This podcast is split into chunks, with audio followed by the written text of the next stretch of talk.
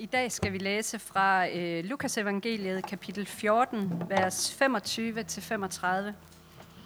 Store skare fuldtes med Jesus, og han vendte sig om og sagde til dem, Hvis nogen kommer til mig og ikke hader sin far og mor, hustru og børn, brødre og søstre, ja sit eget liv, kan han ikke være min disciple. Den, der ikke bærer sit kors og går i mit spor, kan ikke være min disciple.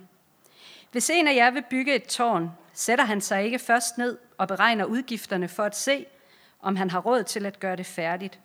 For at man ikke skal se ham lægge en sokkel, uden at kunne fuldføre det, så alle giver sig til at håne ham og sige, denne mand begyndte at bygge, men kunne ikke fuldføre det.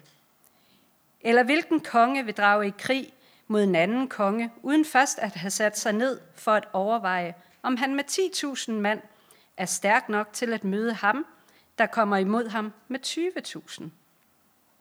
Hvis ikke, sender han udsendinge afsted for at høre, forhøre sig om fredsbetingelserne, mens den anden endnu er langt borte. Så kan ingen af jer være min disciple, uden at afgive kald, øh, uden at give afkald på alt sit eget. Salt er en god ting, men hvis selv saltet mister sin kraft, hvordan skal det da blive salt igen? Det dur hverken til jord eller gødning. Man smider det væk. Den, der har ører at høre med, skal høre.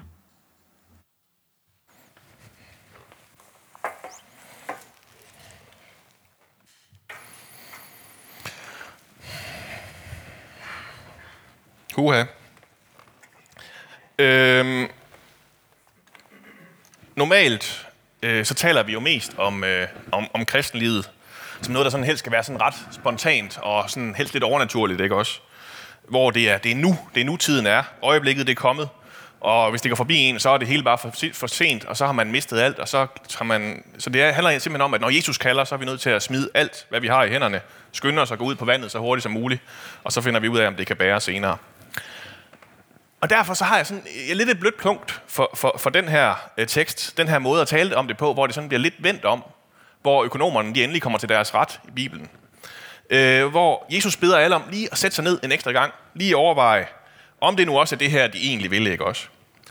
En tro, hvor man lige skal lægge et, et budget først, øh, lige regne ud, om man, man kan bygge det der tårn, lige regne ud, om man nu også kan vinde den der krig, man starter, Putin.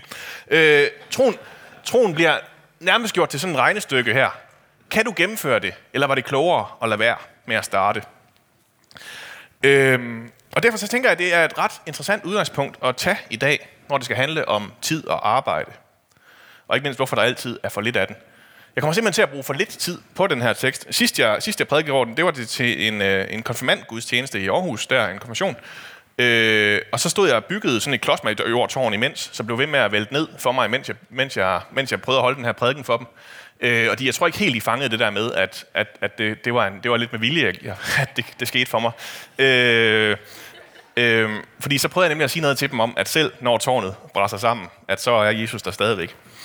Øhm, I dag, så kommer jeg lige, simpelthen lige til at starte med at fortælle en øh, eller historie, som er skrevet af, af John Ronald Royal, Royal Tolkien, og han, han siger, at han nærmest bare vågnede op med den en morgen i hovedet i 1938. Det er sådan lidt en, en, en glemt perle, Øh, han er gået helt fast i at skrive Ringenes Herre på det her tidspunkt. Og, og derfor så tror jeg også, at den er muligvis sådan lettere selvbiografisk. Og jeg, jeg læser lige begyndelsen, og så, så genfortæller jeg resten øh, for jer her. En gang var der en lille mand ved navn Nørkle, som skulle ud på en lang rejse. Han havde slet ikke lyst til at tage afsted. Men han kunne ikke slippe. Han vidste, at han måtte afsted før eller siden. Men han tog sig god tid til at forberede sig. Nørkle var maler. Han var ikke en særlig god maler, for han havde en masse andre ting at tage sig af ved siden af. Mange af disse ting irriterede ham, men han udførte dem alligevel efter bedste evne, når han ikke kunne blive fri for at gøre dem. Og det var alt for tit, synes han. I Nørkels land havde man strenge love. Der var også andre ting, som kom Nørkle på tværs. For det første var han under tiden lidt doven og lavede slet ikke noget. For det andet havde han et godt hjerte. Ved sådan et hjerte, som gjorde ham ilde til mode langt oftere, end det egentlig fik ham til at gøre noget. Og selv når han havde gjort noget, afholdt det ham ikke fra at knore og tabe tålmodigheden og bande lidt for sig selv. Ikke desto mindre fik det ham til at gøre alskens småting for sin nabo herr Lund, som havde et dårligt ben. Ær til hjalp han også folk, der boede længere væk, hvis de kom og bad ham om det. Nu og da kom han i tanke om sin forestående rejse og pakkede et par ting ned på må og få. og så fik han ikke malet så meget. Han var i gang med flere malerier på én gang. De fleste så store og vanskelige, at de oversteg hans kunde. Han var en maler af den slags, som var bedre til at male blade end træer. Han brugte lang tid på hvert enkelt blad og forsøgte at fange dets form, dets glans og de små dugdråber, som glimtede på dets kant. Men han ville så gerne male et helt træ, hvor alle bladene var ens og dog forskellige fra hver andre. Der var især et billede, som voldte ham kvaler. Det var begyndt som et blad, der fløj i vinden. Men så blev det til et træ, og træet voksede og skød talrige grene ud til alle sider, og de mest fantastiske rødder. Mærkelige fugle kom og slog sig ned på træets kviste, og det måtte han også tage sig af. Dernæst begyndte et landskab at tage form omkring træet og imellem bladene og grenene, og man kunne få øjne en skov på fremmars over landskabet og sniklette bjergtinder. Nørkle tabte interessen for sine andre billeder, eller også tog han dem og hæftede dem på siden af sit store billede. Snart blev lærredet så stort, at han måtte bruge en stige, og han løb op og ned af den, lagde et strøg, hist og fjernede en plet her. Når folk kom på besøg, var han høflig nok, men han, men, men han legede restløs med blyanten på sit bord. Han lyttede til, men han kunne ikke lade være med hele tiden at tænke på sit store lærred, som stod i det høje skur. Han havde bygget til det i sin have, på et sted, hvor han engang havde dyrket kartofler. Han kunne ikke slippe af med sit gode hjerte. Jeg vil ønske, at jeg kunne være lidt mere bestemt, sagde han til sig selv, for han synes, at det ville være nemmere for ham selv, hvis ikke andre folks problemer bekymrede ham så meget. Men i lang tid gjorde han sig ikke så mange bekymringer. Jeg bliver i hvert fald færdig med dette billede, mit rigtige billede, før jeg skal på den pokkers rejse, sagde han sit. Og alligevel begyndte han at indse, at han ikke kunne blive ved med at udsætte sin afrejse. Billedet måtte se at holde op med at vokse, og i stedet blive færdigt. Og så fortsætter processen ellers for Nørkle. Ofte afbrudt af den her nabo Lund, der har noget med lumbagoen og det her dårlige ben. Øh, og så den her lange rejse, han har i baghovedet, der hele tiden ligger foran ham, der bliver ved med at lægge pres på. En dag kommer Lund ind og fortæller, at nu er konen altså blevet syg. Og Lund han har jo et dårligt ben, så han kan ikke selv tage ind efter lægen. Og desuden så regner det ind af taget hos dem. Så om Nørkle ikke lige kunne undvære lidt fra det der lærred, han, har, det der, han maler det der på, til lige at reparere hullet i taget. Og selvom Nørkle overhovedet ikke har lyst til at tage afsted, og Lund han er virkelig træls og ynkelig at høre på, øh, så ender han alligevel med til sidst at tage afsted i regnen for at hente lægen. Og han ender med selv at blive syg af den her tur. Og så pludselig, mens han står der og er syg, og der hele ikke lige er løst noget som helst endnu, så kommer kusken forbi, fordi nu skal, Lund, nej, nu skal Nørkle endelig ud på sin lange rejse. Selvom han ikke er klar til det overhovedet endnu, og bare lige hurtigt må hive den der lille taske, han havde pakket lidt i, med på vejen. Og da han så kommer på toget, jamen, så glemmer han sin taske i toget der. Og så må han, da han kommer frem på fattigården, hvor han bliver slidt ned under ganske elendige omstændigheder, og virkelig bare kan ære sig over alt det, der gik galt i hans liv, når han sidder der på sit mørke værelse, og kan, kan lige hurtigt puste ud, inden han skal op igen og slide næste dag. Og da han så har siddet der i mørket længe nok, så en dag, så hører han pludselig nogle stemmer. To stemmer. En streng og en mild stemme. Hvad angår sagen Nørkle? Den strenge er kritisk. Synes ikke, han er klar til at komme videre. Han kan høre hele den her diskussion fra sit værelse. Men den milde stemme, den bliver ved med at forsvare ham hele tiden. Øh, og bliver ved med at sige, at selvom han måske ikke rigtig nok var verdens største maler, så fik han alligevel malet nogle blade, som, som havde en helt personlig charme for Nørkle. Og så var der alle afbrydelserne. Alt det, der gjorde han, alt, det, alle de der ting, han hele tiden skulle gøre for Lund og alle de andre, som han faktisk gjorde, uden at forvente at få noget igen for det. Selvom det var nok så irriterende, og selvom han brokkede sig på vejen. Og særligt den sidste tur ud i regnen, den bliver også bemærket af de her to stemmer. Og de ender med at blive enige, og den milde stemme konkluderer, jeg tror, vi skal lade noget gå for ret. Og så bliver Nørkle kaldt ind. De ved udmærket godt, at han har hørt det hele. Øh, og Nørkel, han spørger også lige lidt ind til Lund, fordi ham har de snakket lidt om, og han er lidt bekymret for. Og han får lige sådan nævnt, fordi de, han fik ikke lige den bedste behandling. Han var jo egentlig en god nabo faktisk, og han, han solgte ham også billige kartofler en gang imellem. Øh, og så bliver Nørkle ellers sendt videre med toget. Ved næste station, så øh, kan han ikke få navnet på den, men så han får besked på at, at stå af her. Og da han så træder ud og, og kommer ud i landskabet, så undrer han sig lidt over, at det virker mærkeligt bekendt. Det er ligesom om, han kan kende det her græs. Det har han set før. Og da han så ser op, så opdager han, at det er hans træ, der står der. Det, han har brugt sit liv på at male, som han aldrig blev færdig med, det står nu der. Helt fuldkomment. Ligesom han havde forestillet sig det. Men aldrig rigtig havde været i stand til at, at få det malet. Selv fuglen er der og, og flyver rundt i skoven bag dem. Bjergene de er endnu længere ude i horisonten. Og som han går der og nyder alle de her nye dimensioner og får lov at se sit billede fra forskellige vinkler i virkeligheden, jamen så ser han også, at det, det, det er ikke færdigt. Det er fuldkomment, men det er ikke færdigt. Der er stadig noget, han skal arbejde videre på. Øh, og det er selvfølgelig hans opgave, det er han helt, helt med på. Men, men han er også sådan lidt nervøs ved det, fordi han, han, han er ikke sådan nogen ekspert på, på jord og planter og sådan nogle ting. Så han tænker, åh, oh, det kunne godt nok have været smart lige at have haft Lund nu. Han, var, han, han, han havde forstand på det der. Og så kigger han op. Der står Lund. Og så går de ellers i gang med at, at lave den her skov helt færdig. Som den er allerede fuldkommen, men nu kan de gøre den færdig og gå og plante lidt til. Det her det er jo uh, Tolkiens vision for evigheden, ikke også? Uh, jeg er helt vild med den. Der, hvor vi aldrig ble, det vi aldrig blev helt færdige med på den her jord, det står fuldkomment nu. Hvor det vi drømte om, det endelig er blevet til virkelighed. Og jeg synes også, det er lidt vildt, den her måde, Tolkien taler om det på. Øh, jeg kan nogle gange synes, jeg får slået lidt for store brød op, eller har lidt svært ved helt at gøre ting færdige. Man kan, man kan så forestille sig ham på den anden side, ikke også? Øh, som starter med at skrive den her lille historie om en hobbit, og så opdager på vejen hen mod at lave den næste fortælling, han er også lige er nødt til at bygge et univers og en geografi og mange tusind års historie og en mytologi og to fuldt udviklede sprog, plus en håndfuld andre løse, bare for lige sådan at kunne gøre det ordentligt. Øh, og som efterlader sig sådan en, en, et flere håndfulde uafsluttede værker ved sin død. Han simpelthen ikke synes var klar til udgivelse endnu. At han har selvfølgelig også levet i det her spænd hele tiden, mellem at han aldrig helt kunne nå det, han ville. At det hele tiden godt lige måtte være blevet lidt bedre, end det var. Og med det her helt tydelige kald, øh, med en ganske umulig opgave, øh, en øh, meget besværlig vej derhen, og alle de her små afbrydelser på vejen, jamen så har Tolkien jo faktisk den frakhed at lade afbrydelserne og reaktionen på afbrydelserne være det afgørende. Ikke om det her store projekt det blev færdigt for Nørkle. Ikke om det blev så perfekt, som han havde tænkt, hans livs kald skulle være men hvordan han tog vejen derhen. Jeg synes, jeg synes det er så vildt, fordi altså, Tolkien, han er jo, øh, altså, han har jo skabt sin egen genre, ikke også? Han har nydefineret, nydefineret øh, eventyr og fantasy for en masse generationer efter, og alt muligt, der er sprunget ud af det her. Øh, og alligevel, så vælger han at sige, det vigtigste i vores liv, det er, hvordan vi reagerer, når naboen ringer på. Det er, det, er, det er noget af en kontrast til, til den time management litteratur, jeg har været i gang med at, prøve at læse herop til prædiken. Det handler alt sammen om, hvordan vi minimerer afbrydelserne. Hvordan vi får finder ud af at få lov at arbejde uforstyrret og kan komme ind i det her flow. Øh, hvordan kan tolken mene, det andet er bedre?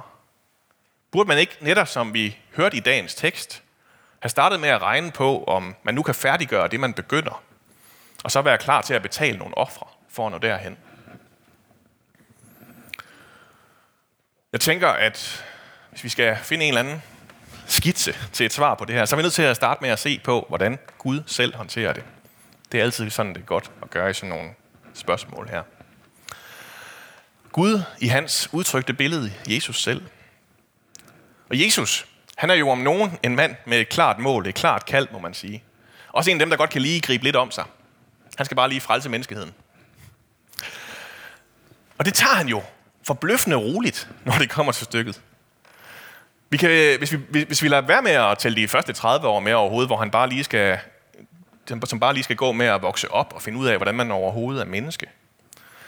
Ja, så går, da han så endelig kommer i gang, så tuller han bare rundt i sådan tre år. Går lidt i den ene retning, og så i den anden retning. Nogle gange har han måske en plan. Ofte så virker det bare som om, at det er sådan alle mulige tilfældige forstyrrelser og afbrydelser, der lige styrer, hvor han går hen. Folk, der kommer og spørger om hjælp til det ene og det andet. Og hver eneste gang, de står der, så lader han sig forstyrre. Så tager han sig nogle hvil og nogle bedestunder undervejs. Gerne når han ellers burde have allermest travlt, så stopper han op og trækker sig tilbage. Der hvor der er folk, der risikerer at dø, fordi han skal skynde sig frem, så tager han sig god tid. Og så bruger han ellers hovedparten af sin tid på at være pædagog og konfliktmaler for sådan 12 unge hormonramte mænd med tvivlsom dømmekraft og intelligens, som hele tiden kommer op og slås om, hvem der skal have lov til at sidde ved siden af Jesus. Altså jeg tænker, eventuelle aktionærer i Jesus AS, de må have haft rigtig mange spørgsmål til den her strategi til generalforsamlingen, ikke også? Altså, den er under al kritik. Samtidig så bliver han ved med at tale om, at det altså er nu, det sker. At det her med at følge efter ham, det ikke koster alt, som i dagens eksempel, hvor man simpelthen lige skal have lagt tårn- og krigsbudgettet færdigt først, hvor man skal være villig til at hade sin familie, siger han. Og for nogen betyder det, at øh, de skal gå hjem igen, øh, fordi at de ikke var klar. Andre gange så skal de gå hjem igen, fordi de netop var klar. Andre de skal følge efter ham og lære noget mere. Og så en dag, så vågner han op og siger, se, vi går op til Jerusalem. Og disciplerne synes, det er verdens dårligste idé. For de ved godt, at det er derop, alle dem, der gerne vil have skaffet Jesus af vejen, de er. Men de ender med at følge efter ham alligevel, sådan lidt under protest, for kolde fødder et par gange på vejen. Og det går heller ikke særlig, særlig stærkt. Der er stadig masser af omveje på den her vej til Jerusalem. Men slag i slag, skridt i skridt, øh, så når de den by, hvor finalen står. Og selvom Jesus han leder efter andre veje til sidst, så er der ikke andre veje end op på det kors. Det kræver det ultimative offer for Jesus selv. Øh, for Jesus livet selv og fuldende hans kald. Da tidens fylde kom, kalder Paulus det, til Guds tid, fyldt af omveje og hensyn, i en forvisning af, af, at alle ting de går mod deres forløsning. At vi nok kan opleve vejer og suk på vejen derhen, stress og smerte. Men i sidste ende, så hænger jo verden ikke på, om vi nu når det, vi skal. Den hænger på, om Gud han gør det, han gør. Jesus han slutter sin tale om, om tårn- og krigsudregningerne af med at tale om at være salt. Og det er sådan en, en metaforblanding, min dansklærer virkelig ville have været sur på. Øh, sidste weekend, nej, forrige weekend igen, der hørte jeg præsten Niels Nyman øh, tale om det her billede på en ledersamling i Dansk Oase. Øh, og han undrede sig over, at når Jesus han taler om det i bjergprædiken, så taler han om først, at vi er verdens lys, og så I er verdens salt. Lige ved siden af hinanden. Og det at være lys og det at være salt, det er jo to meget, meget forskellige billeder. Lyset, det spreder mørket, ikke også? Det er umuligt ikke at få øje på. Det overvinder mørket. Det må forsvinde, når lyset kommer. Og så saltet. Det fungerer helt anderledes. Det dur ikke rigtigt til noget i sig selv, vel? Det skal ind og sætte sig på noget andet, før der er noget ved det. Det skal blandes ind i verden, som, som vi jo ellers af og til har advaret mod. Man skal passe på med at blande sig for meget i den verden her i sådan en kirkesammenhæng. Og som Jesus siger det, så er det eneste, der ikke må ske for saltet, det er, at det mister sin kraft. Og det gør det kun, hvis man gemmer det ned i kælderen. Saltet skal ud og være en del af det, der foregår i verden. Ikke dominere det, men gør det bedre, skønnere, mere velsmagende. Det er ligesom Nørkle gjorde det for Lund, hvor han stik imod egne instinkter og lyst til at være der. Selvom det ikke føltes som om, der var ret meget lys i det, han gjorde, øh, og øh, så var han der alligevel. Så var han alligevel salt i verden. Så det, jeg prøver at konkludere med den her afsluttende prædiken i vores 8-16 prædikenserie, hvor vi prøver at få styr på Gud og arbejde, og så lige skal fikse det her til sidst med, hvordan der nu lige bliver tid til det hele. Det er, jeg prøver egentlig bare at få et evighedsperspektiv på. Jeg tror simpelthen, det er den eneste måde, vi kan holde til at være mennesker. Vi er nødt til at forstå, at vi har meget mere tid end de der alt for få 24 timer i døgnet. Om verden ikke, at verden ikke står og falder med, om det er i dag, eller i morgen, eller i det næste liv, at jeg endelig når at få styr på alt det der, jeg har prøvet at få styr på så længe. At tiden er med os, og ikke imod os. Jeg burde selvfølgelig have kørt på med nogle af de her sædvanlige klichéer om, at der ikke er nogen, der siger på dødslejret, at de vil have brugt mere tid på arbejdet, eller gerne vil have haft renere gulvpaneler, eller sådan noget der. Og, og det er der selvfølgelig også en sandhed, der er værd lige at minde sig selv om en gang imellem. Men jeg tror egentlig ikke, det er der problemet ligger. Som vi har snakket om før, så har vi også bare fået forskruet nogle ting. Bilder os ind, at det hele tiden skal være adskilt. At vi skal have arbejde og så fritid. Og fritid, det var egentlig bare noget, Henry Ford han fandt på i 1910'erne, for så han kunne sælge nogle flere biler. Øh, så der var lidt mere øh, tid til at holde fri og køre i dem. øh, at det der med at have arbejdstid på 37 timer, det egentlig var en ret moderne opfindelse, og den også lige glemte det der med, at den skulle blive ved med at gå ned ad bakke på et tidspunkt, den arbejdstidsuge. At kvalitetstidsbegrebet, det var noget, man fandt på i 80'erne, fordi at man nu havde dårlig samvittighed over, at nu var både mor og far på arbejdsmarkedet, og så var der dårlig tid til de børn der. Men så kunne man bare sige, at man havde kvalitetstid, og så kunne man bare have dårlig samvittighed over, at man ikke at være nærværende nok, når man var der i stedet for. Og alle de her forskellige måder at opdele tid på og bilde os ind, at hvis bare vi gør det her der og det her der, så skal vi nok nå det hele. Jeg tror simpelthen ikke ordentligt på, at det fikser noget, når det alligevel kommer til stykket. Øh, det sætter mig stadig tilbage i, at jeg ikke kan nå at være alt det, jeg gerne vil være. Jeg ikke kan nå alt det, jeg gerne vil nå. Så hvis jeg bilder mig ind, at jeg skal nå alt det her, nå mit kald og min livsmission, og, og være noget for alle mennesker omkring mig på de her 77,7 år, eller 24 timer, eller hvad det nu er, der er vores tidsgrænse for at skulle nå de her ting, så går det galt. Men hvis vi lever ind i evigheden, så giver det al mulig mening til det arbejde, vi laver nu. Gør det egentlig bare endnu mere vigtigt. Og siden så får vi lov at se det fuldendt. Alt mulig mening til alle afbrydelserne, til forstyrrelserne, til de mennesker, vi bliver kaldet til at være noget for på vejen. Alt mulig mening til at være lige præcis mig, med de evner og muligheder og omstændigheder og relationer, som jeg nu er skabt til at være, og jeg nu er sat ind i. Hvor jeg får lov til at være krydderi på tilværelsen, salt, der giver kraft. Og når jeg ikke lige selv kan mærke det, jamen så er jeg det stadigvæk, øh, fordi jeg er her.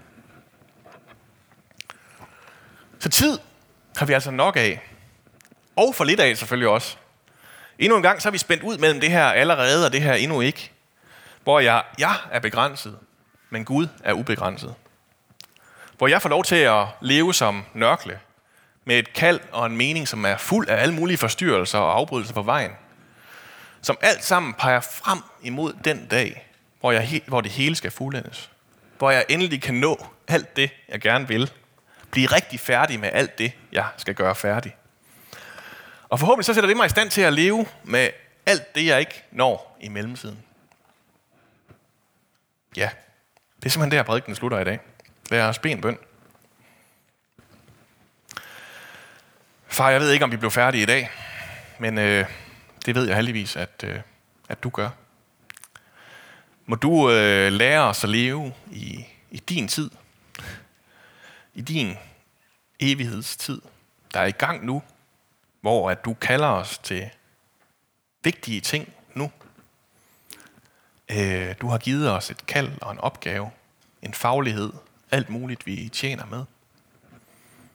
Og så er der også alle de her afbrydelser og forstyrrelser på vejen. Mennesker, der har brug for vores hjælp. Ting, der lige skal gøres lidt bedre og lidt mere ordentligt. Og mails, der kommer ind. Hvad ved jeg?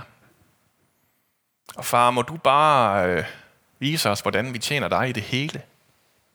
Hvordan vi ikke bliver blinde på hverken, hverken det ene eller det andet. Må du øh, ja, lære os ikke at dele tiden op i ting, den ikke kan holde til, som bare giver os mere dårlig samvittighed. Må du øh, lære os at leve, som du selv gjorde her på jorden. I stærke, forpligtende relationer. Ja, gå rundt og, og ledende efter, hvor du kalder os hen. Og øh, hvor det store mål, det er noget, du gør. Ja. Amen.